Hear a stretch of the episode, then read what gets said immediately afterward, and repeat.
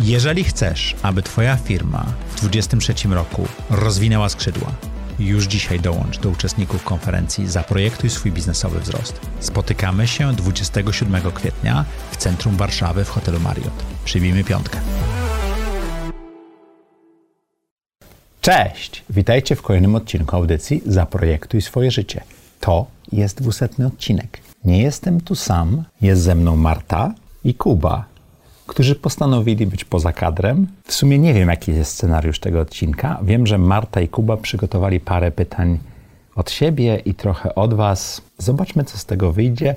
Jestem lekko przerażony. W każdym bądź razie Wasze zdrowie i dziękuję Wam ślicznie za 200 odcinków razem. Dajmy znać, że jest to sok jabłkowy, lekko sfermentowany. Nie promujemy alkoholu na wizji. Dokładnie tak.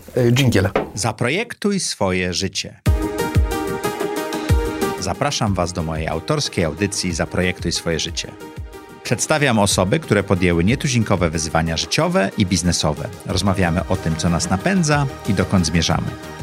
Historie opowiadane przez moich gości zainspirują Was do świadomego i odważnego projektowania swojego życia.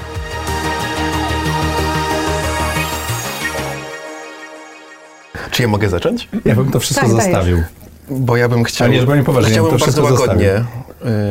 Bardzo łagodnie zacząć. Kuba teraz przypierdzieli. Nie, Dajesz. bardzo. Czy często myślisz o śmierci? Coraz częściej. Ja myślę, że od śmierci ojca i teścia to są takie rzeczy, które do mnie wróciły i zresztą dzisiaj byłem w Longevity Center u swojego lekarza i rozmawialiśmy o tym i, i miałem bardzo taką ciekawą rozmowę. Powiedziałem, że ja już wiem, że umrę. Jak byłem 20, 30, nawet 40-latkiem, to myślałem, że jestem nieśmiertelny. Jak myślisz o śmierci, przepraszam, jak ja myślę o śmierci, to zdaję sobie sprawę, że mm, śmierć to jest taki moment, kiedy nie ma dalszego ciągu. Twój ulubiony serial właśnie został zdjęty z platformy i nie będzie kolejnego sezonu, więc y, to mi daje dużo energii, żeby wiedzieć, że muszę po sobie zostawić dobre odcinki, dobre wrażenie i mieć naprawdę pozytywny i dobry wpływ na ludzi, z którymi żyję, co też oznacza, że ograniczam sobie te kręgi do osób, na które mogę mieć wpływ, bo nie jestem w stanie, ale z drugiej strony chcę też prowadzić audycję, która jest takim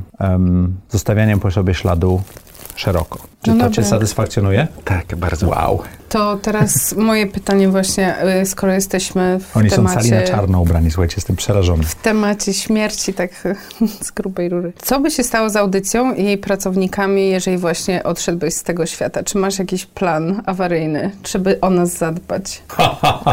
Dobre, nie Słuchajcie, powiem. Dobre, e, dobre, w dobre. audycji pracują niesamowici ludzie. Mamy w tej chwili siedmioosobowy zespół. E, ludzie, którzy bardzo twardo stoją na nogach i ja myślę, że niezależnie od tego, co się ze mną stanie, wy sobie poradzicie. Ja to wiem. Czy kasa będzie? O to pytam. Kasa, czy będzie? Czy jesteśmy w testamencie zapisani? E, w testamencie są zapisane moje dzieci. No a tu my jesteśmy takie, twoja rodzinka druga. Wreszcie pojechali. Dobra, ja poproszę jakieś lżejsze tematy na początek. To ma być Kuba- dwusetny Kuba tak odcinek i celebrujemy, e, Ja że wiem, jest no to fajnie. No. Dopiero później Akurat się wpasowało. Do, dobre Dobrze. pytanie. Dobre pytanie. Dobrze, Maciej, masz gotowy testament. Tak. Często go zmieniasz? Nie. Od jak dawna jest ostatnia wersja? Od ostatniej operacji, Okej. czyli ponad rok. Nie, przedostatniej operacji, to nam prawie dwa lata. Marta, chciałabyś? Tak, Bo ja ja mam mam- tylko takie grube. Dobra. Nie wiem. Marta, To- może zaczniesz jakieś pierwszych pięć pytań, bo Wiesz co, ja mam takie pytanie, bo mam tutaj podzielone i te są akurat filozoficzno takie y, osobiste. fajny odcinek. Ja pierdzielę. To same trudne pytania. Nie, nie, nie, nie. To będzie, wydaje mi się, dobre pytanie. Jak tam twoje ego po tych czterech latach? Oj, wiecie co? Ja, ja to mówiłem chyba w pierwszym czy w drugim roku, nie wiem czy pamiętacie. Ja zrozumiałem, dlaczego artyści sceniczni potrafią być narkomanami czy mieć problemy z alkoholem, bo jeszcze na początku jakiś odcinek wypalił, to ja byłem taki szczęśliwy, potem kolejny nie zadziałał. Ja widziałem te statystyki, góra, dół, bo to jest taki, taka przejażdżka kolejką górską, nie? Ktoś walnie jakiś pierdzielnięty komentarz, który mnie dobija czasami. Już się teraz nauczyłem, mam już teraz grubszą skórę, ale czasami mnie to trafia. I teraz już przestały mnie trafiać komentarze do mnie, ale trafiały mi jeszcze komentarze do gości, bo uważam, że są niesamowitymi ludźmi. Jak moje ego. Z jednej strony odkryłem i o tym dość otwarcie mówiłem, że audycja jest mi potrzebna, bo miałem taką potrzebę, której nie wiedziałem, że, że straciłem odchodząc z dużych firm, bycia na scenie, bycia osobą ważną i tak dalej. Więc poniekąd ta audycja trochę mi to daje, bo mówią, o Maciek, fajny podcast, coś jeszcze, więc od razu się czuję lepiej. A z drugiej strony jestem mikroprzedsiębiorcą, który oprócz inwestycji no, nie zrobił żadnego biznesu, który wypalił i tak dalej. Więc a, a, a przebywam w kręgu naprawdę niesamowitych ludzi. Na mastermindach są polscy przedsiębiorcy, w YPO są też polscy i międzynarodowi przedsiębiorcy, gdzie mogę się ocierać o ludzi, którzy prowadzą wielkie firmy, które stworzyli, um, odziedziczyli uh, albo w których pracują. I czasami tak patrzę się w lustro i, mam taki szok. Ja, ja, pamiętam, jak byłem taki dumny, że kupiłem elektryczny samochód i, pojechałem na swoje forum i taki jestem zajebisty, że mam pierwszego elektryka. Tam wjechała Tesla i wodorowy samochód i mówię, tego samego dnia zupełnie przez przypadek. I to był taki dobry sygnał dla mojego ego. Jeżeli jesteś w, najmądrzejszą osobą w pokoju, to zmień pokój. Ja to bardzo często robię, ale w tym pokoju, w którym jesteś najmądrzejszym, to twoje ego może kwitnąć. A w tym pokoju, w którym wchodzisz i musisz się uczyć od innych, musisz mieć ego w ryzach. Nie wiem, czy odpowiedziałem na twoje pytanie. Ja mam prośbę. Y, dwa centymetry mikrofon do dołu, bo troszeczkę ci szura. A tak to jest wszystko git. Ja sprawdzę, czy mi działa. Pewnie to też puścimy. Ja bym chciał pozdrowić mamę i tatę. Raz, dwa, trzy, Baba Jaga patrzy. Co sprawdzasz? Yy, czy się nagrywa, wiesz? A, Kuba mnie właśnie oświecił, słuchajcie, że jeden z odcinków naprawdę niesamowitych, bo my przez 200 odcinków nie mieliśmy żadnej wtopy technicznej. Raz nam się zwaliła karta dźwiękowa, ale udało się odzyskać dane, bo Zoom H6 się po prostu, baterie się rozładowały i nie zapisał się plik. A teraz się okazuje, bo, bo pytam się, gdzie jest ten odcinek, bo tam nagrywaliśmy w sierpniu. No i okazuje się, że mamy tam problem techniczny pierwszy raz, a naprawdę niezły odcinek, więc więc y, będziemy kombinować, co z tym zrobić. Twoje najmilsze wspomnienia, bo mnie bardzo interesuje, bo z często mówisz, nie, nie, nie, nie, z dzieciństwa, bo często mówisz o jakimś etapie korporacyjnym, nigdy nie mówisz o swoim dzieciństwie, masz takie... Wiesz co, ja miałem naprawdę fajne dzie dzieciństwo. Dorastałem w Sopocie, mm, miałem takiego, znaczy dziadkowie mieli takiego wilczura, e, który, z którym, wiesz, ja, to był pies, do którego listonosz i pół rodziny bało się podejść, a ja mogę mu wsadzić palec w ucho i on się z tego powodu cieszył. Był taki wielki Bóg, gdzie chyba czterech czy sześciu chłopa musiałoby go objąć, żeby to zrobić. Ja pod nim się wychowywałem. I mam same dobre wspomnienia z tego. Byłem z rodzicami na wakacjach w Bułgarii i było to cudowne rzecz. Zresztą zabrałem mojego najstarszego syna kiedyś do Bułgarii na wakacje, mniej więcej, na pewno na tą samą plażę, mniej więcej do podobnego hotelu. To no, wtedy mieliśmy kemping, ale w podobne miejsce, bo tam już nie ma kempingów, tylko hotele się zrobiły. To muszę powiedzieć, że wrażenia były zupełnie inne niż jak byłem dzieckiem, bo wtedy to było takie wow. Ja co roku jeździłem na e, Mierzeję e, i tak między Juratą a Jastarnią mieliśmy kemping, nie pamiętam jak się nazywał i to było niesamowite, bo rano szło się nad morze, po południu szło się nad zatokę i cały dzień był taki wokół, wokół tej wody. Więc to są tego typu wspomnienia. Czy zdarza ci się już nie pamiętać? Jesteś świadomy tego, że nie pamiętasz jakiegoś tam fragmentu swojego Nie pamiętam, życia? czego nie pamiętam. Ale jesteś tego świadomy, że nie pamiętasz? No, zdarza mi się zapominać, oczywiście. Mi się też zdarza, wiesz, jak się ma za dużo inwestycji, za dużo rzeczy, którymi się robi, to ja nie zapamiętuję rzeczy. To też jest ciekawe. Czasami się łapię na tym, że ktoś mi coś mówił, ja tego nie zapamiętałem. Znaczy pamiętam tą rozmowę, ale nie pamiętam jej treści. Ale to wynika raczej z e, przeładowania systemu. Ja robię za dużo rzeczy. Notujesz sobie swoje życie? Zapisujesz gdzieś? Robiłem to przez moment, to nie jest moja bajka. Mhm. To ja mam pytanie y, ze społeczności naszej. O którym gościu marzysz, ale do tej pory nie udało się tej osoby zaprosić? Mówiłem, Lech Wałęsa jest taką osobą, którą chciałbym, bo uważam, że to byłby taki opus dei tej audycji i takie, taki no, człowiek, który z pewnością nie, nie, nie, w pełni zaprojektował swoje życie, ale wpłynął na miliony ludzi, tak? Mhm. Różnie można go odbierać, ale to byłaby niesamowita historia. Jakbyś mógł zadać sobie sprzed czterech lat, yy, może nie zadać, yy, dać jakąś radę, yy, to jakby ona brzmiała? Chłopie, nie rób tego, zajmie ci to kupę czasu. Ale ja, faktycznie... Największym zaskoczeniem audycji było to, jak dużo czasu zajmuje jej prowadzenie. Mi dopiero po czterech latach udało się zbudować z wami razem tak zespół i tak procesy, że z mojej perspektywy dużo rzeczy się zautomatyzowało, ale tego jest naprawdę dużo. Mhm. To jest zaskakujące, jak dużo rzeczy trzeba zrobić, żeby to, ten odcinek raz w tygodniu wyszedł. Teraz to już dwa razy w tygodniu. Plus TikToki, plus Reelsy. No mamy TikToki, mamy Reelsy, mamy Instagrama, mamy Facebooka, mamy LinkedIna, mamy spotkania ze społecznością. E, tego jest naprawdę bardzo dużo. Kulisy, nie? Pamiętasz pierwsze chwile, kiedy odważyłeś się, bo mit stworzenia jest taki, że audycja powstała W pociągu. Pociągu. No nie jest nic stworzenie. Ja siedziałem w tym pociągu do Sosnowca i rozpisałem sobie. Nawet mam gdzieś ten notes, gdzie jest 148 nazwisk wypisanych i muszę powiedzieć, że tak połowa, dwie trzecie z nich już była w audycji. Ale to był pomysł. E, mit stworzenia jest taki, że ja stworzyłem audycję. Tak naprawdę to Marta stała za mną i kopała mnie w tyłek i mówiła zrób to, zrób to, nie? Bo pierwsze, myśmy zaczęli chyba we wrześniu, w październiku. Jakoś tak. Chyba E, jakoś ciebie, tak. Kuba, spotkaliśmy chyba w grudniu. To był końcówka grudnia. I to też grudzień. była próby i błędy, Tak, bo, poszukiwanie bo były ze dwie czy trzy Kuby. osoby, które Tak. przychodziły i, tak przyjdą, a potem nie odpowiadały na telefony albo nam nie do końca pasowały. Ale wiesz, ja zajmowałem się tym, że pani architekt przyszła i taką tapetę Nowego Jorku strzeliliśmy i potem jakiś taki bar zamontowaliśmy, który był potem nieszczęściem w tym pierwszym To studiu. był tak z dupy pomysł. To było fatalne, tak, zgadzam się z tobą, ale mi, mi się podobało i ja tam siedziałem i te biurka ustawiałem, i to nowa drukarka wjechała, która właśnie zmarła. Gdybyś ktoś potrzebował drukarki, proszę bardzo, jest do wzięcia duża Samsunga. Muszę powiedzieć, że taki miałem robienie wielu rzeczy w koło. Zamówiłem gąbki, zacząłem wyklejać, ja chyba z cztery dni wyklejałem ten pokój 12 metrów, nie? Tak, no. Tak, to można było załatwić. Tutaj przyszła ekipa, zrobiła to chyba w jeden dzień czy dwa dni. Em, no ale to było coś innego.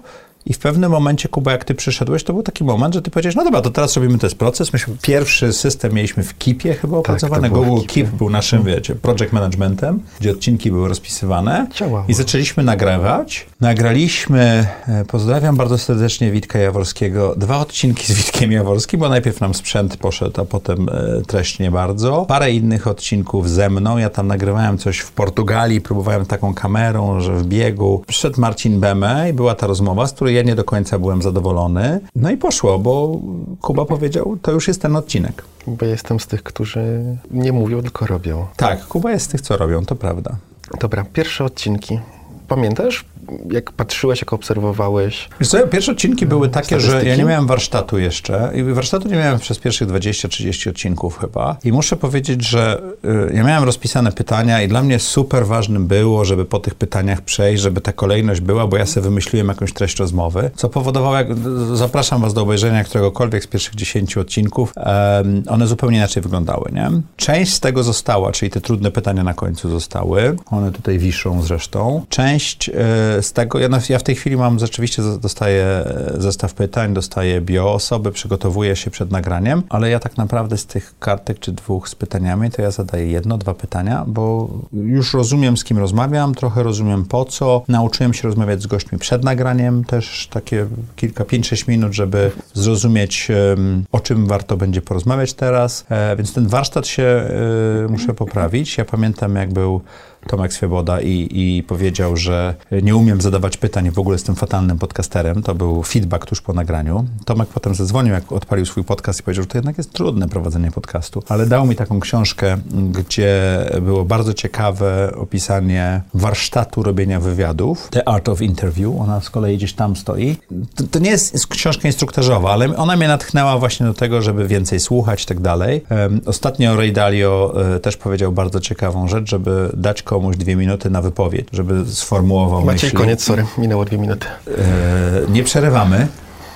Uczy się od najlepszych. Tak, a ja, ja mam tą, ten problem, że mnie interesuje co dalej, co dalej, co dalej, więc ja ciągle przerywam. Więc to jest takie ciągłe. E, Te pierwsze były dużym stresem, dużymi nerwami. Mieliśmy takie śmieszne, żółte fotele, które się trzęsły, a po jakimś czasie zaczęły wydawać różne takie Po jednym metaliczne dźwięki. Dźwięki, tak, tak. tak, ktoś tam usiadł źle, coś i się popsuło. Mieliśmy dziewczynę, która tam wywijała nogami w trakcie i wiesz, kamery, to było małe pomieszczenie, więc nie było głębi, kamer, kamery nie łapały ostrości, więc to było ciekawe. A zmiana biura nastąpiła po tym, jak był prezesem banku i myśmy mieli już dosyć, bo było gorąco, tam nie można było mieć klimy, było za mało miejsca i ja stwierdziłem, że jak mamy mieć takich gości, to nie możemy mieć tego. No i parę miesięcy później przenieśliśmy się tutaj. Żałujesz jakichś rozmów, które wyemitowaliśmy? Nie, żałuję rozmów, których nie wyemitowaliśmy. Mamy kilka rozmów, które nie poszło. Niektóre nie były dobre, a niektóre, to zazwyczaj były dziewczyny, dziewczyny się tak zestresowały, że rozmowa nie wyszła. Temat był dobry, osoba była niesamowita, rozmowa nie wyszła i potem nie dało się osoby ponownie e, zaprosić. Mamy paru takie, takich gości i gościń. Trochę tego żałuję. Też pytanie ze społeczności. Czy widzisz potencjał dla działalności kanału przez kolejne 4 lata? No to jest dwusetny odcinek, to chyba ostatni już by wypadało, nie? No już ile można? Ile można? No dobra, to skoro tak odpowiadasz na to pytanie, to pytanie jest kolejne, a mianowicie, mm, o- ale- jeżeli audycja by się zakończyła, to w co byś e, zainwestował swoją energię? Dobra, to najpierw odpowiem na pierwsze pytanie, bo to było oczywiście trochę żart, trochę nie, bo, bo zespół wie, że ja tak mniej więcej co 6 miesięcy jestem gotowy zamknąć już tą audycję, bo mam tego dosyć, bo to zajmuje naprawdę kupę czasu. Uważam, że jest bardzo dużo niesamowitych osób w Polsce w języku polskim, z którymi można zrobić wywiady i spokojnie starczy na kolejnych 200 odcinków. I to, co mi się podoba, to że pokazujemy osoby, które mogły być na pierwszych stronach Forbesa, ale bez makijażu, tak? Więc tak, uważam, że jest potencjał. Czy jest ta energia we mnie, żeby to poprowadzić? To od was zależy. Poprosimy o lajki, komentarze. AI to lubi. Maciej lubi żebrać. Tak. Nie, nie żebrze, tylko potrzeba tego. No. Daj mnie. Daj, daj, daj! E, nie, ale tak serio. A jakie było... A Marta zadaje pytania. Kuba będzie teraz od, od dzisiaj prowadził audycję. Ja bardzo chętnie. No. E, Drugie pytanie było, jeżeli faktycznie to byłby koniec audycji, e, w co włożyłbyś swoją energię? Jaki kolejny projekt? Czy masz coś? Znaczy, nie, nie, znaczy projekt, który w tej chwili zajmuje mi 20-25 godzin tygodniowo, to jest moje zdrowie. To, jest- to jest fizjoterapia, to są ćwiczenia, to są Ale to różne... nie przynosi kasy, nie? Ale audycja, też nie. Audycja nie przynosi kasy. Sekret. Przez 4 lata nie wyjąłem złotówki z tej audycji. Znaczy wyjąłem w pewnym momencie zmieniając działalność gospodarczą na spółkę i włożyłem z powrotem do spółki. Ale od dwóch i pół roku nie muszę dokładać do audycji, co jest dobrą rzeczą, więc to jest takie hobby, które samo się finansuje w pewnym sensie na razie. Prawdopodobnie takie podejście do inwestowania bardziej profesjonalne, zwrócenie uwagi na to, w co inwestuję, a nie robienie tego przy okazji. Nie tylko startupy czy firmy, ale też giełda międzynarodowa. To byłaby ta jedna rzecz. A szczerze mówiąc, nie znalazłem takiej rzeczy, ale czasami się zastanawiam, czy nie chciałbym zrobić jeszcze raz w życiu czegoś dużego. Niekoniecznie zbudować firmę, ale może przejąć firmę albo prowadzić z kimś, albo dla kogoś firmę bardzo dużą. To jest taki projekt, który mógłby mnie zainteresować. Nie mam nic takiego. Gdybym to miał, to bym zaczął wtedy ważyć na szali. A z czego Maciej żyje obecnie? Mam bardzo wysokobiałkową dietę. Chodzi ci o, o to, z czego się utrzymuje? tak. To nie jest tajemnicą. No, mi udało się zainwestować e, w kilka firm, które e, płacą dywidendy, większe lub mniejsze. Miałem bardzo duży portfel e, startupów, który w tej chwili się kurczy, bo je sprzedaję. W tym roku były chyba cztery transakcje, nie jakieś wielkie, ale to na chlebek z masełkiem Na wystarczy. prezenty pod choinkę będzie. Na prezenty pod choinkę dla Maćka będzie. e, więc to jest troszeczkę tak. Ja też mam bardzo niskie potrzeby tak naprawdę, tak? Jak patrzę na niektórych znajomych, to nie szaleję finansowo, co powoduje też, że pytanie z czego żyję nie jest problemem. Ale rzeczywiście, ja chyba robiłem o tym odcinek, musiałem nauczyć się dyscypliny finansowej wychodząc z korpo, bo ja nie mam pensji. Pieniądze do mnie trafiają bardzo nieregularnie, co zresztą też powoduje, że czasami to są duże pieniądze, czasami małe i tak dalej, więc ja muszę wiedzieć, że mam pieniądze na mniej więcej dwa lata do przodu zapewnione e, w takich miejscach, gdzie, gdzie mogę łatwo do nich dotrzeć, tak? Czyli nie mogę zrobić inwestycji w nieruchomość, która się będzie długo budowała, czy w startup, na który, za który za 10 lat może z niego coś wyciągnę, a może nie. Ja żyję z pieniędzy, które kiedyś zarobiłem, a teraz staram się mądrze inwestować. A na co najwięcej wydajesz kasy? Na rodzinę. A twoja mała przyjemność, tak raz w miesiącu, nie wiem, raz na pół roku, może być duża, nie wiem tam, jak ty rozmiarowo podchodzisz do tematu. Kiedyś to była elektronika i lubiłem sobie kupić jakiś gadżet, pobawić się nim, coś jeszcze. Co zresztą jest, bo w tej chwili kupiłem sobie dobre monitory odsłuchowe i mogę wreszcie posłuchać muzyki i tak dalej w y, studio, ale w pewnym momencie zobaczyłem, że mam tak dużo tej elektroniki, która... Elektronika starzeje się szy- szybciej niż banany, nie? E, więc raczej się ograniczam. Książki z pewnością i, i niestety kupuję więcej książek niż jestem w stanie przeczytać, przesłuchać, przejrzeć. Też jestem winna. To jest tutaj tak, to, to jest taki sekret, muszę wam powiedzieć, ale nie mówcie nikomu. Te półki zaczęły się od tego, że wyniosłem z domu książki, których nie miałem czasu przeczytać, ale z pewnością w biurze znajdę czas, żeby sobie posiedzieć, poczytać. A potem wymyśliłem audycję i więcej niż połowa z tych książek nie była czytana. Przepraszam was, książki. Kupuję sobie nowy samochód na dniach, jak ten odcinek wyjdzie, po 2008, to będzie 23 rok, po 15 latach. A możesz zdradzić, co to będzie za auto? BMW Nowe, elektryczne? To, e, zupełnie szczerze, to będzie, tak jak spojrzałem na to, będzie mój pierwszy zupełnie nowy samochód, który kupiłem od początku do końca dla siebie, bo ja jestem oszczędny, zawsze kupowałem używane, moje Mhm. Audi jest polizingowe, znaczy nowe przyszło do firmy, ja nim trochę jeździłem, potem sobie wykupiłem je. Elektryk był wykupiony po promocji Mhm. e, Inoji, które tam zamknęło biznes i miało na sprzedaż, więc to będzie tak, no na, na starość stwierdziłem, że już mogę. Marta, sok z jabłek? O, tak. Y, sok z jabłek, z gumi jagód.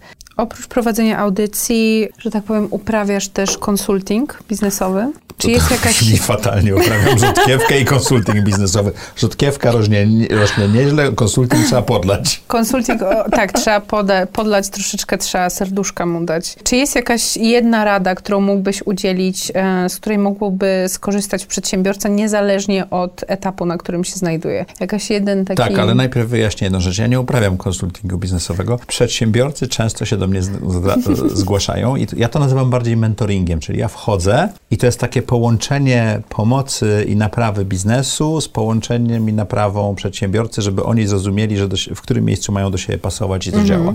To przede wszystkim jest to. E, ale rzeczywiście zdarza mi się zrobić kilka, dużych kilka, małe kilkanaście takich e, projektów w roku. Pytanie było jedna rada, która by dla wszystkich pasowała. To jest ta rada, którą chyba wielokrotnie mówiłem w audycji, fokus. Jeżeli jest się inwestorem, to trzeba dywersyfikować swoje pieniądze, żeby obniżyć ryzyko, robić wiele rzeczy. Jeżeli jest się przedsiębiorcą, to trzeba się skupić. Jeżeli twoja firma działa, żre, zarabia pieniądze, to wkładanie tych pieniędzy gdzieś indziej nie ma sensu, bo prawdopodobnie zarobisz więcej pieniędzy w tym biznesie. Jeżeli dopiero startujesz, to próba robienia jeszcze czegoś innego nie zadziała. Jeżeli robisz startup i pracujesz dla kogoś, to na początku to może mieć sens, ale w pewnym momencie trzeba się zwolnić i zacząć działać. I fokus jest takim słowem i taką radą i taką rzeczą, o której bardzo często zresztą mówię. Bo my oglądamy te historie, że ktoś sobie kupił jacht albo robi 17 firm i coś jeszcze.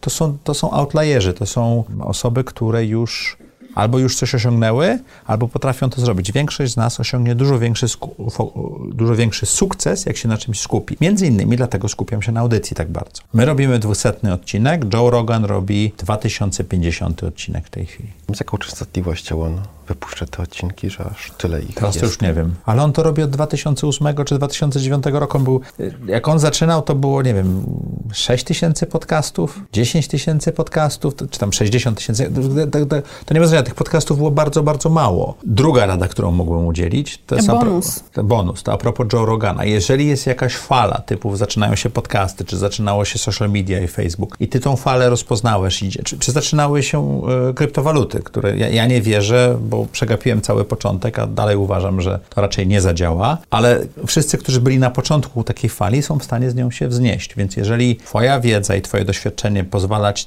taką falę zrozumieć i na niej unieść się, to niesamowite. Zobaczmy na twórców YouTube'a, którzy byli na początku YouTube'a. Jak, jacy są w tej chwili popularni, jakie pieniądze zarabiają. I trzecia, to bonus, bonus do bonusa, to wytrwałość. Tak, wytrwałość w dążeniu do celu. Jeżeli mamy fokus i wiemy, na czym się e, warto skupić, to warto w tym trwać. Patrz Joe Rogan. Kogo ty najczęściej słuchasz, oglądasz, jeśli chodzi o twórców internetowych? Wiesz co, nie mam już w tej... Kiedyś to był bardzo dużo Tima Ferrisa, troszeczkę Joe Rogana i tak dalej. Ja w tej chwili mam bardzo dużo różnych rzeczy, które słucham. Mniej więcej 30% to jest o zdrowiu. Ci, którzy są w społeczności Zaprojektuj swój biznes na Slacku, to wiedzą, bo ja tam wrzucam e, takie podcasty, które słucham, które z, z kolei ktoś inny mi poleca o zdrowiu. I to jest e, z 5-6 godzin, powiedzmy. A tak to, to, to, co mi wpadnie akurat, bo ktoś polecił i tak dalej. Nie? Nie masz stałych subskrypcji na YouTubie? To, co się zadziało e, w Europie, szczególnie za naszymi wschodnimi granicami, e, ale również i COVID i tak dalej, też spowodowało, że ja dużo bardziej się skupiłem na, najpierw na e, bieżących wydarzeniach, teraz przestałem się tym interesować, teraz strasznie dużo czytam książek historycznych i podcastów historycznych, żeby zrozumieć, jak ta historia kiedyś się ułożyła, bo prawdopodobieństwo, że tak samo się ułoży, jest bardzo podobne. I odkrywam książki, nie te najnowsze, tak jak Sapiens czy coś jeszcze, tylko takie książki z lat 60., 70., gdzie niesamowicie jest opisane to, co się wydarzyło 200-300 lat temu i robisz i kalkę i poza tam brzegami wszystko jest tak samo, nie? Mój umysł jest bardzo ciekawym umysłem, lubi odkrywać nowe rzeczy i ja mu lubię dostarczać te nowe rzeczy. I jeżeli coś odkryję, jakiś podcast czy jakiś kanał na YouTube, to ja bardzo często wejdę w niego, przesłucham 20-30 odcinków i potem stwierdzę, ok, szukajmy czegoś nowego. Więc nie mam czegoś. Pewno mógłbym ci powiedzieć, co w tej chwili, ale akurat w tej chwili nie ma takiego, takiej zajawki. Kiedy znajdujesz na to czas? Mimo, że twój dzień jest wypełniony po brzegi, widzimy Czy twoje po prostu kalendarze. mówisz, że jest wypełniony po brzegi, a tak naprawdę skacze, skaczesz sobie I sobie z kanapy do kuchni, do lodówki, na Słuchaweczkę. kanapę. I Praca z Martą, słuchajcie, jest błogosławieństwem. O, Marta, jesteś błogosławiona. E, Mógłbym le- bardziej efektywnie zapełnić swój czas. Między moimi spotkaniami zazwyczaj jest pół godziny do godziny przerwy, bo ja lubię tą przerwę mieć, żeby nie mieć tak zwanego kosztu przełączania się. Więc ja wtedy mogę pójść do toalety, napić się kawy, zastanowić się i tak dalej. Moje spotkania zazwyczaj są trudne, wymagają dużo e, energii i emocji, więc pomiędzy nimi chciałbym się przełączyć. Ja zaczynam dzień między 7 a 8 na siłowni. Nagrania mamy, jeżeli robimy to około 11. To jest taki czas po siłowni, gdzie ja mogę zjeść porządne śniadanie, wrócić tutaj. Czasami jak mam tam 8.30 siłownię, to Kuba widzi, ja przychodzę tutaj, takie kropelki potu jeszcze ze mnie spływają. Nagrania kończą się około 14-15, więc nie zostaje dużo czasu na pracę, a ja chciałbym być w domu między 17 a 18 i już być w domu. I już nie robić tych rzeczy. Ja mniej więcej o 18 też wyciszam telefon. Do mnie nie można się już po 18 dodzwonić i wtedy już robię rzeczy dla rodziny, dla siebie i tak dalej. Z tego czasu pracy jest cholernie mało, bo między 14 a 17 powiedzmy są 3 godziny na zrobienie administracyjnej pracy, tego typu rzeczy. Jak nie ma nagrań, to są mastermindy, czy też mentoring, czy tego typu rzeczy, ale efektywnie mój czas pracy między 11 a powiedzmy 16, 5 godzin. Mógłbym pracować w weekendy, mógłbym pracować wieczorami, to robiliśmy. Ja pamiętam, jak pierwsze odcinki robiliśmy katy, to o 22 siedzieliśmy w dokumencie i ja tam wpisywałem i tak dalej. Nie chcę tego robić teraz. Więc y, czy ja dużo pracuję? Tak, cholernie dużo. Czy ja dużo pracuję porównując to do innych osób? Nie, ja jestem na emeryturze w tym porównaniu.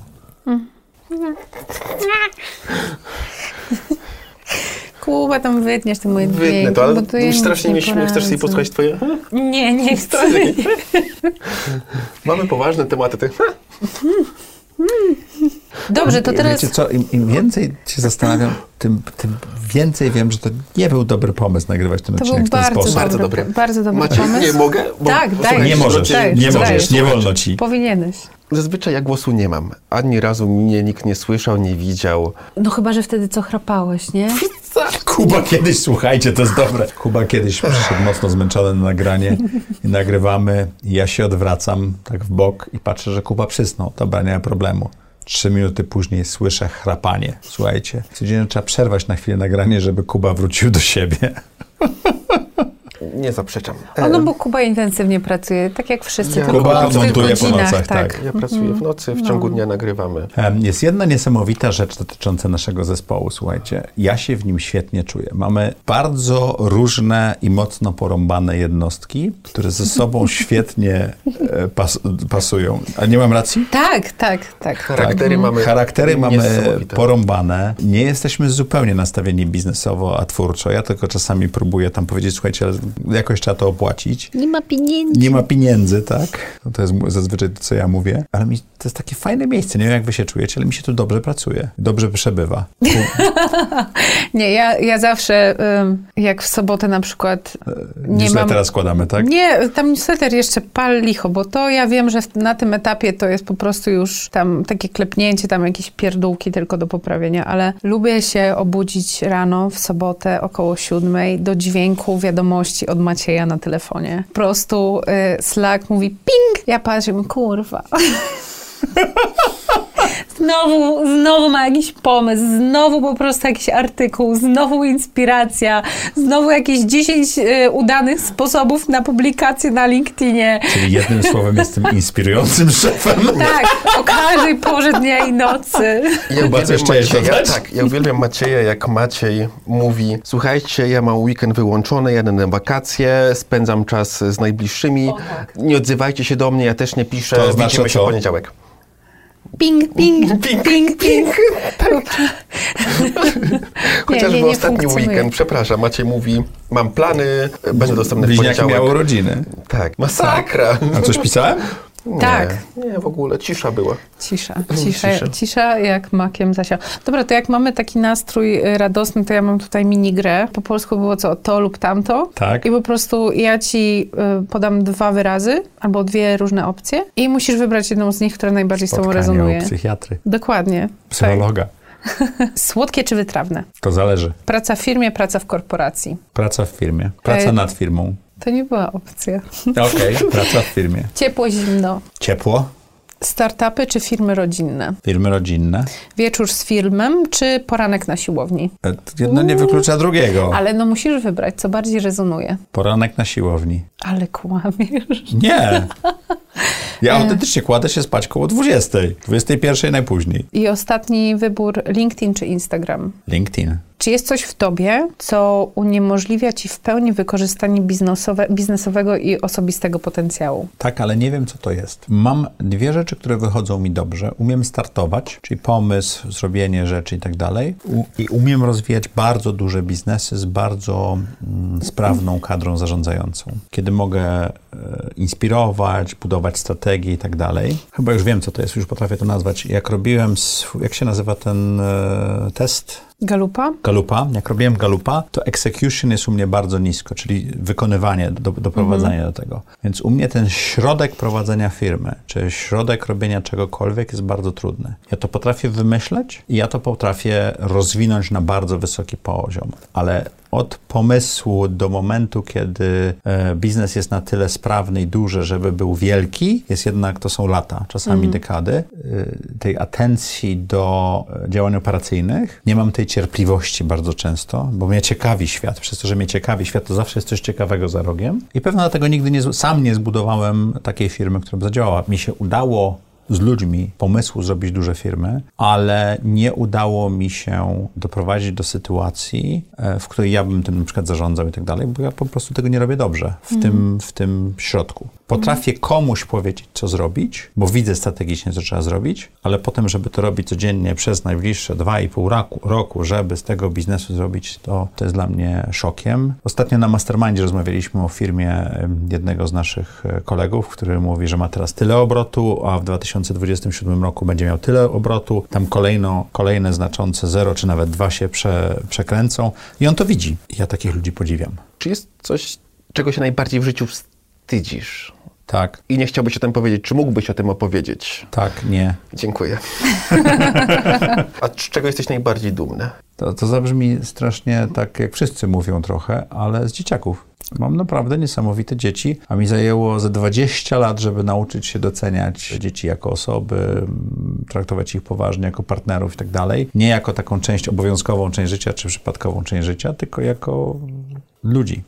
I to byłoby to. Audycja jest czymś, co powoduje, że, że, że czuję się dobrze, takie, takie ciepłe uczucie. mam. Nie wiem, czy to jest dumny, to chyba nie jest to. Wy jako zespół, audycja, to jest fajna rzecz. I ostatnio ktoś mi zadał na kolejnym mastermindzie, mamy bardzo dużo poważnych dyskusji, jak to jest, że ja mam tyle doświadczeń i mam to wszystko zrobione. I zdałem sobie sprawę, że ja popełniłem cholernie dużo, bardzo dużych błędów w życiu. I finansowych, i biznesowych, i życiowych, i zdrowotnych. Tak naprawdę to e, jakby napisać książkę o tym, jak pewnych rzeczy nie zrobić, to, to ja, ja bym miał dużo rzeczy, ale ja z większości z nich się nauczyłem czegoś i zdałem sobie sprawę. Więc moje, moja głębokość autorefleksji i przemyśleń wynika z tego, jak ja przeżyłem moje życie. Jest takie moje bardzo ulubione powiedzenie, które przypisujesz Coco Chanel, że życie należy przeżyć tak, żeby wstyd było opowiadać, ale przyjemnie wspominać.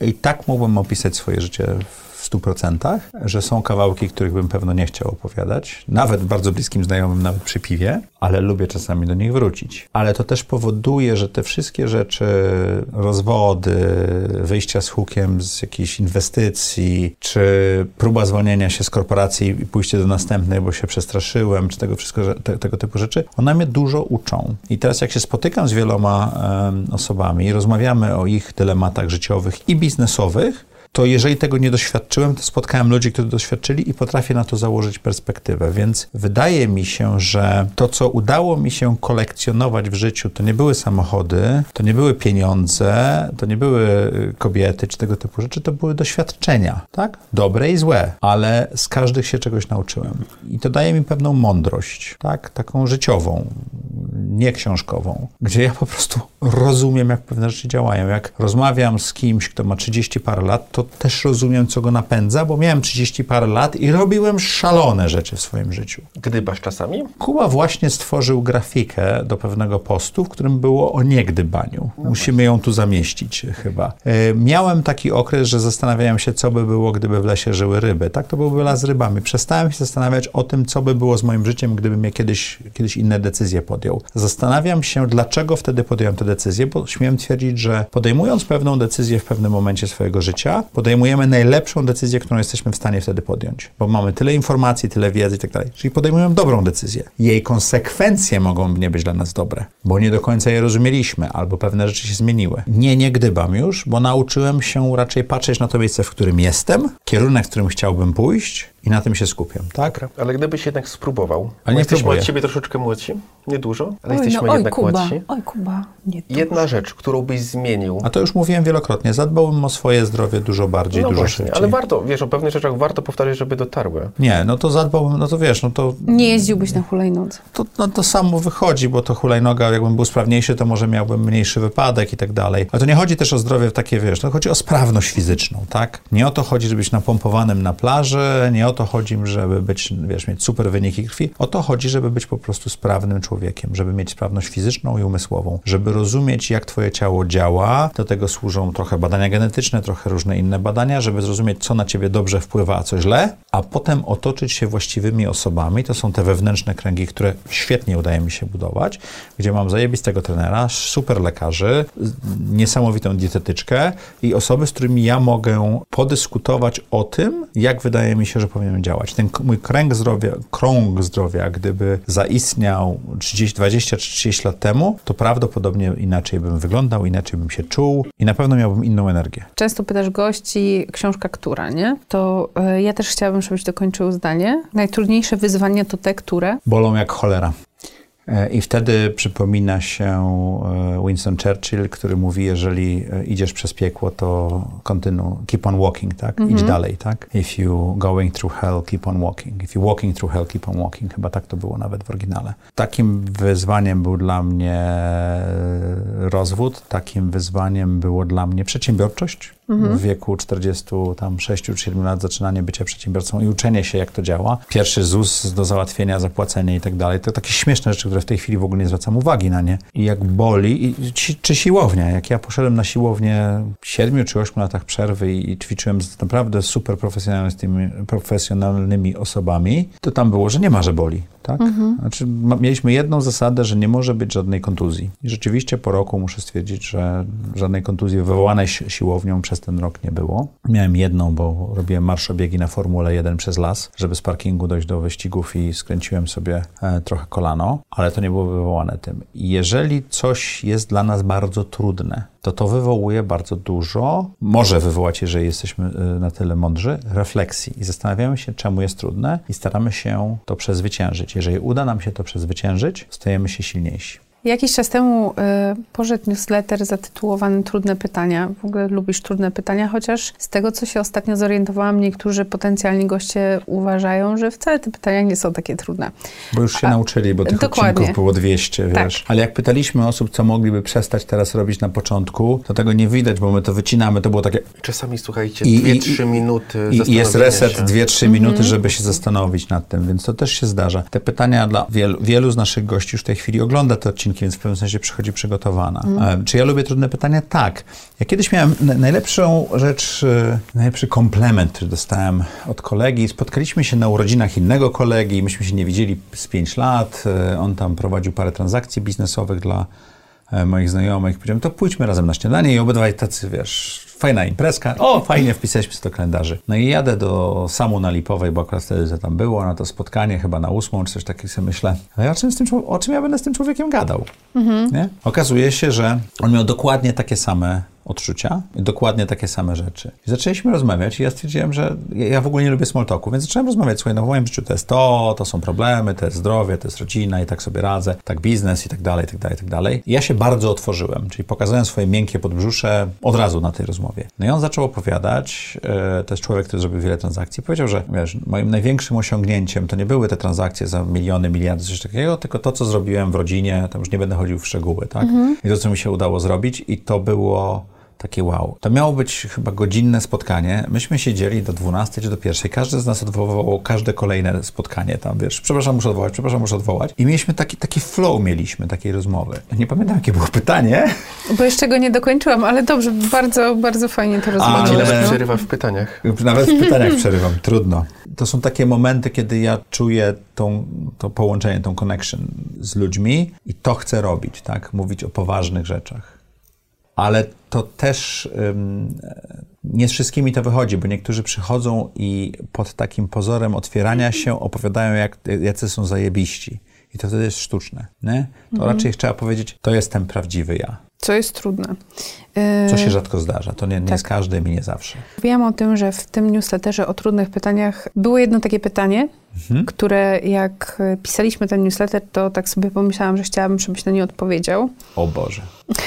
Dajesz. Jak bardzo rzeczy, na które nie masz wpływu, przyczyniły się do sukcesu, który sobie przypisujesz? Oj, bardzo. Gdzie zacząć? Od samego początku, czy... Nie, no takie highlights gdzieś tutaj, Highlights? wiesz. No. E, no dostałem się na INSEA, to, to, to było dużo roboty w tym. Dostałem stypendium na INSEAdzie pełne od Madame Dornano, co było niesamowite. Nie miałem na to wpływu, napisałem esej, ale nie miałem wpływu, że akurat mnie wybrała. Ale to, że zacząłem pracę w Dellu, to było niesamowite, bo ja byłem po 148 rozmowach. Dell przed tam koło 120, 130. Ja już byłem mocno obcykany, ale Dell w ogóle nie był na moim targecie.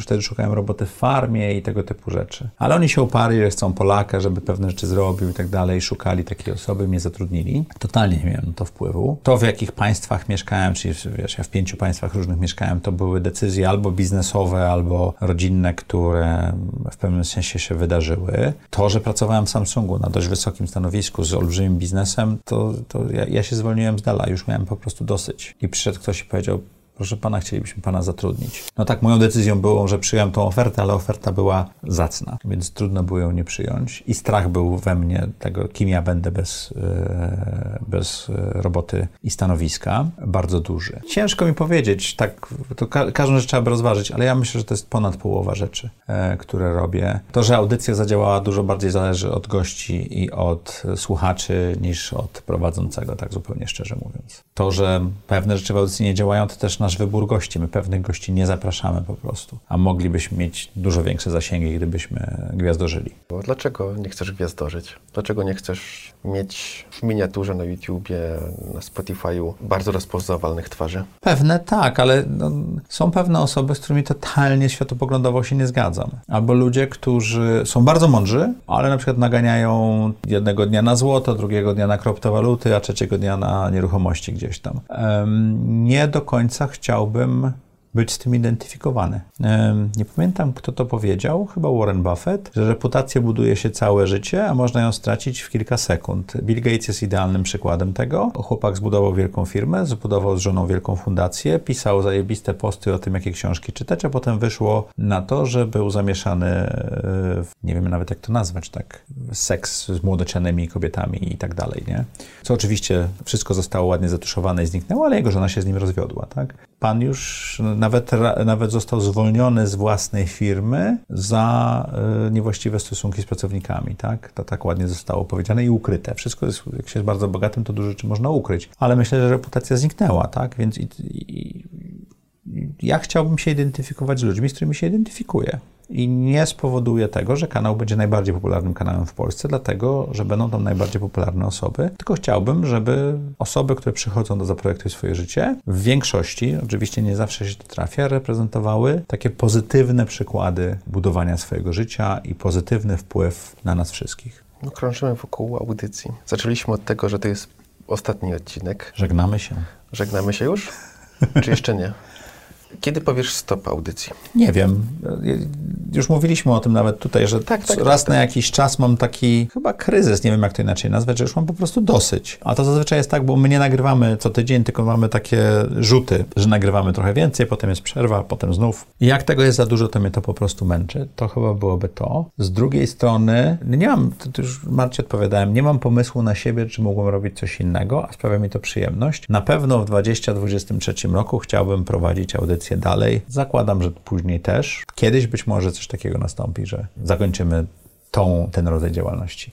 Może wreszcie kupię ten dom nad ciepłym morzem i przeniesiemy tam nagrania. Masz prawdziwych przyjaciół? Niewielu, tak. Co robisz, żeby dbać o tą przyjaźń? Jestem z tym fatalny, dlatego pewno ich jest niewielu. Staram się regularnie y, kontaktować, spotykać, przecinać i to w miarę dobrze działa. Napisałam takie pytanie sobie, czy czujesz się czasem samotny w tym przedsięwzięciu, jakim jest audycja, ale tak naprawdę to, co mnie bardziej interesuje, to jest to, czy na przykład na początku, jak zaczynałeś ten cały projekt, czy miałeś w sobie takie poczucie, że niekoniecznie o tym chciałeś mówić, na przykład w gronie innych przedsiębiorców, czy, czy jakichś takich osób, z którymi prowadziłeś rozmowy bardziej tak nacechowane Czy się wstydziłem biznesowo? tego, co robię? Tak. A jaka była pierwsza część pytania? E, Czy czujesz się czasem samotny w tym Czuję przedsięwzięciu? się samotny e, jako przedsiębiorca, ale to jest dość normalne. Nie czasem, ale bardzo często. Ale do tego mam właśnie takie grupy jak Mastermind, gdzie mogę przyjść i powiedzieć, że słuchajcie, no, audycja nie jest wielkim biznesem, a ja wiem, że mam potencjał na z- zarządzanie wielkim biznesem i nie wiem, co ze sobą zrobić, bo mnie czasami to wkurza. A czy się wstydziłem? Czy też, czy też ten? Chyba nie. Teraz dochodzi do takich śmiesznych sytuacji, że rozmawiam z ludźmi, e, którzy prowadzą naprawdę duże biznesy i oni trochę he, he, heszkują, że ja mam podcast i coś jeszcze, ale ja zdaję sobie sprawę, że ja zbieram po prostu e, ponownie coś innego niż to, co oni. Czyli nie zbieram wielkości firmy, obrotów, zarobków i kasy, tylko ja zbieram e, bardzo ciekawe relacje z ludźmi, zarówno te dalekie, czyli z widzami i słuchaczami, ale te bliskie z członkami mastermindu czy społeczności Zaprojektuj swój biznes. I to działa, i to daje mi niesamowitą rzecz, tak? Czyli mój biznes, gdyby walutą nie była tylko złotówka, czy dolar, czy euro, tylko właśnie relacje, no to ja myślę, że mam niesamowity biznes. Mówiłeś, że my jako zespół i osoby, z którymi pracujesz, to taka jest y, dosyć szalona zbieranina, nie? To jak dobierasz sobie zespół? Co, czy masz jakieś takie kryteria? Czy jak, jak to w ogóle było z tym? E, Duża doza przypadkowości. Znaczy, e, myślę, że my mamy niestety dobór negatywny. To znaczy, czasami e, zapraszamy ludzi do zespołu i oni po trzech miesiącach, pół roku, maksimum roku zauważamy, że nie pasują do tego zespołu. Albo oni sami, zazwyczaj to my zauważamy. E, I, I to tak działa. Z Martą pracowałem przez 4 lata w YPO. Całościowo to 8. 8 lat w YPO. 8. 8 lat. Kubę poznaliśmy, bo pracował w Bilonie i ja jestem inwestorem w Bilonie i ktoś go przedstawił. Dwie Kuba, osoby. Dwie osoby niezależnie przedstawiły. Kuba przyszedł. Był na tyle szalony, że pierwszy rok zdecydował się pracować za darmo, co do tej pory nie rozumiem, ale oczywiście... Też potem-. Do tej pory pokutuje. do Gdzieś tej ta pory faktura pokutuje. jest tam Ta tak faktura. Nie, nie, ale ten, ta, ta audycja nie. Zresztą Marta też zaczynała e, tak e, Za przy groszki. okazji za, za, za drożdżówki. E, Draże korsarze to chyba było. Draże korsarze, nie, nie, ale tak. Mi- mieliśmy pomysł, Kokosowe. chcieliśmy go zrealizować, Tak. zobaczyć, co z niego wyjdzie i wszyscy to zrobiliśmy. Potem osoby dołączały, albo nie były wystarczająco szczere, albo wystarczająco szalone, żeby do nas pasować. Nieszczerość bardzo szybko e, w- Wychodziła. wychodziła. E, brak pewnego, pewnej, żeby być szalonym, trzeba być cholernie zorganizowanym. To zauważam w naszej organizacji, tak? Bo my jesteśmy bardzo kreatywni i jest tak duży chaos, że jak każdy sam z siebie nie jest zorganizowaną jednostką, to to nie zadziała. My nie mamy świetnych procesów. E, Jest z nami Karolina, która pilnuje procesów i wyrywa sobie włosy z głowy regularnie, bo wszyscy je omijają. Ale mamy procesy, te, te procesy, które są powtarzalne, typu wydawanie audycji czy, czy pewne rzeczy, publikacje. odcinków, Mhm. newslettera, to działa. Ale jak robiliśmy konferencję, to Jezus, pierwsza konferencja to był ból dupy, tak, zupełnie szczerze. Ja w pewnym momencie nawet wziąłem mikrofon, zacząłem mówić, a tam wnoszą i wynoszą fotele, no bo oczywiście był proces, ale ja postanowiłem to zrobić lepiej. Tutaj mea culpa. E, więc jak dobieramy ludzi? Dajemy ludziom szansę, żeby z nami pracowali i tłumaczymy chyba dość szczerze na początku, co to znaczy. Niektórzy od razu mówią, że to nie dla nich, niektórzy mówią, że bardzo chętnie wejdą w to i niektórzy zostają z nami. A z drugiej strony, jak szukaliśmy e, handlowca, to wykorzystaliśmy e, firmę, która nam pomogła, tej ukłony do Ani Negacz i znalazła nam Anię, która z nami pracuje i świetnie pas, pasuje do zespołu, aczkolwiek Anię wszyscy widzieliśmy tylko raz, jak była na konferencji, bo Ania jest we Wrocławiu. Większość zespołu jest rozproszona, my się bardzo rzadko spotykamy. Ja specjalnie z Zakopanego, hej, jechałem z ostypkami tutaj. Ja z Malediv Jak... private jetem. Ten zespół akurat jest w Warszawie, także spoko. Nieprawda. Reszta jest rozproszona. Maledive. Ja jestem z Białołęki. Białołęka to nie jest dzielnica Warszawy. Ja wiem, że paszport jest potrzebny, jest kontrola graniczna i to jest non-Schengen, ale... Dobra Maciej, to tak jeśli chodzi o kulisy, bo to jest fajne, wiesz, zebrałeś zespół. Czy kiedykolwiek się wstydziłeś za nas? Ja wiem kiedy. Ja wiem kiedy.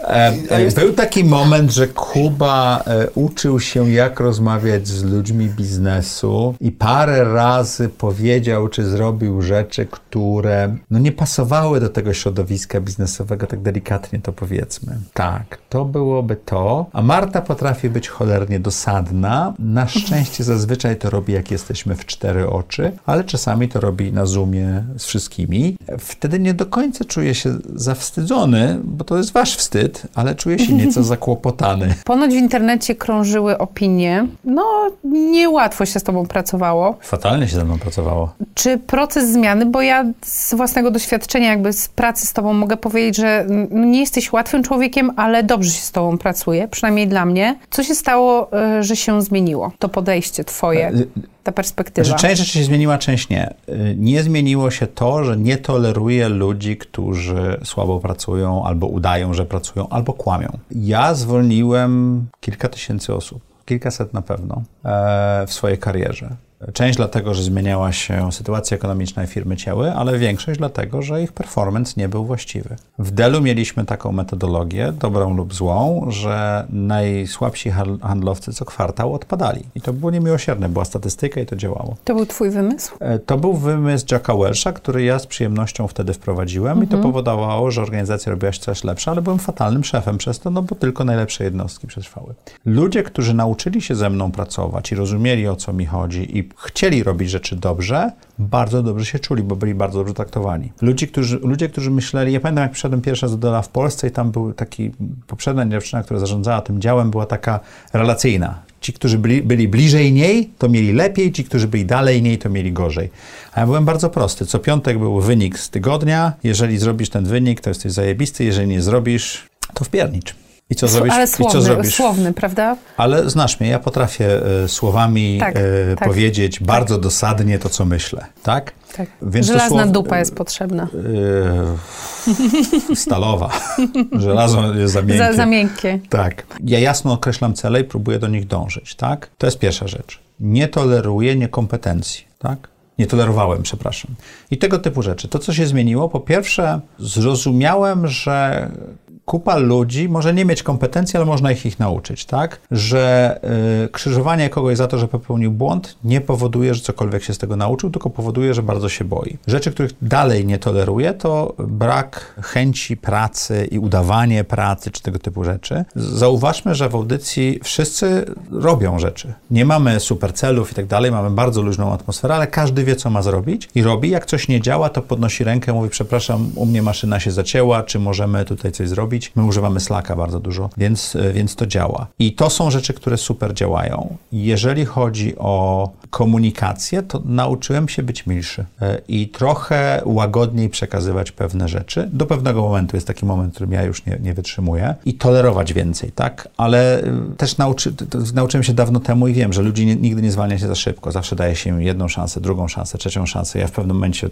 kiedyś prędzej odcinałem to, teraz być może później. Najważniejsze chyba dla mnie, jeżeli chodzi o audycję w szczególności, wynik nie jest tak ważny. Dużo ważniejsza jest atmosfera pracy i jakość tego, co wyprodukujemy. Ale to też wynika, że tak ci przerwę, tak po twojemu. Czy to też wynika z tego, że jesteś w takim miejscu w swoim życiu, że nie musisz aż tak bardzo się martwić o te wyniki KPI O i o te finanse, Tak, tak? na pewno. Ale z drugiej strony ostatnio zrobiliśmy rundę dla jednego z startupów, który wylosował ten los na loterii na 2022 rok i z nimi pracowałem e, i zebraliśmy dla nich pieniążki na start e, po roku pracy. I jeden z inwestorów przyszedł do mnie i powiedział, "M- Maciek, ty jak mówisz do tych founderów, to oni tak się, tak, tak się Kurczą. kurczą, nie? Może trzeba by na to zwrócić uwagę. A ja mówię, kurczę, wydawało mi się, że przez rok pracy z nimi nauczyłem się, nauczyłem się robić tak, to jest łatwiej, ale wydaje mi się, że rok czasami nie wystarcza, że, że ci ludzie muszą zrozumieć, że sposób przekazu jest bezwzględnie bezpośredni, czyli jak coś spierniczyłeś, to ja ci po prostu, jak spieprzyłeś coś, to ja ci powiem, że to spieprzyłeś i koniec, a nie będę mówił, sorry, bo może trzeba było to tak zrobić, czy coś tak, tak. Nie, to jest rozwalone. Idź to napraw. Albo jak ktoś, no ostatnio dostałem em, z tegoż samego startupu e, cytat z maila, że ktoś tam tak odpowiedział. Są negocjacje. Ja mówię, a ja tylko piszę, a może prezes by napisał coś na ten temat? Bo ja nie chcę cytatu tego, co nam druga strona napisała, tylko co on chce zrobić, co on o tym myśli i tak dalej. To, a nie, że mi pisze, ja mam odpowiedzieć i on wtedy to zrobi. No to staram się uczyć ludzi myśleć, co jest cholernie trudne. A czy ktoś ciebie nauczył myśleć wcześniej? Tak. Czy jesteś takim samorodkiem? Tak. Nie, nie wiem, nie zastanawiałem się nad tym. To, to są chyba te doświadczenia, są te trudne Mhm. doświadczenia, które po prostu dały mi to, nie? Słuchajcie, to jest dwusetny odcinek. Zrobiliśmy totalny eksperyment. Oni nawet twarzy nie chcą pokazać. Jak to mają nie przy- chcą? Zaraz wam zrobię zdjęcie. O. Nie, nie, zrób. nie, ja nie chcę, No więc muszę zrobiliśmy totalny eksperyment. Dajcie nam znać, czy to jest fajne. Nie. Nam się to trochę podobało. Nie. Soczek z jabłek był dobry. Właśnie nie wiem, czy to przez soczek z jabłek, ale ja na przykład... Czuję się zaniedbany. Nie, nie, ja bardzo przygotowałam pytania, y, A spełniłam wszystkie, obowiązek. wszystkie odpowiedziałem? Tak, tak. No dobra. Zupełnie inny odcinek, zupełnie zwariowany. Za rok będzie 250 odcinek. Może jakąś imprezę trzeba by zorganizować. Ja jej nie zorganizuję, tutaj trzeba do zespołu napisać. Może ktoś inny powinien przepytywać, może powinien mieć zupełnie innego gościa. Nie mam pojęcia. Teraz zrobiliśmy to. Mam nadzieję, że trochę więcej o nas się dowiedzieliście. Szkoda, że zespół nie chciał pokazać swoich twarzy, ale trochę tak śmiesznie wyszło. Dziękuję Wam za pytania Dziękujemy Maciej za twoją obecność. i zapraszamy. Powiedz coś. Dziękujemy za comiesięczne przelewy na konto w banku. Dziękujemy partnerom i sponsorom za to, że nam, nas pomagają i są, jest na te comiesięczne e, przelewy. Dziękujemy. A wam, a wam dziękujemy za komentarze, subskrypcje, newsletter wiesz. i wszystkie inne rzeczy, Nie, które robicie. Mi to sprawia przyjemność. Chciał. Czy ja mogę skończyć? I tak się pracuje w zdjąłem Media. Tak się pracuje w zdjąłem. Media. Nie. Do zobaczenia w czwartek o czwartej na Zaprojektuj swoje życie, a co poniedziałek na serii eksperckiej.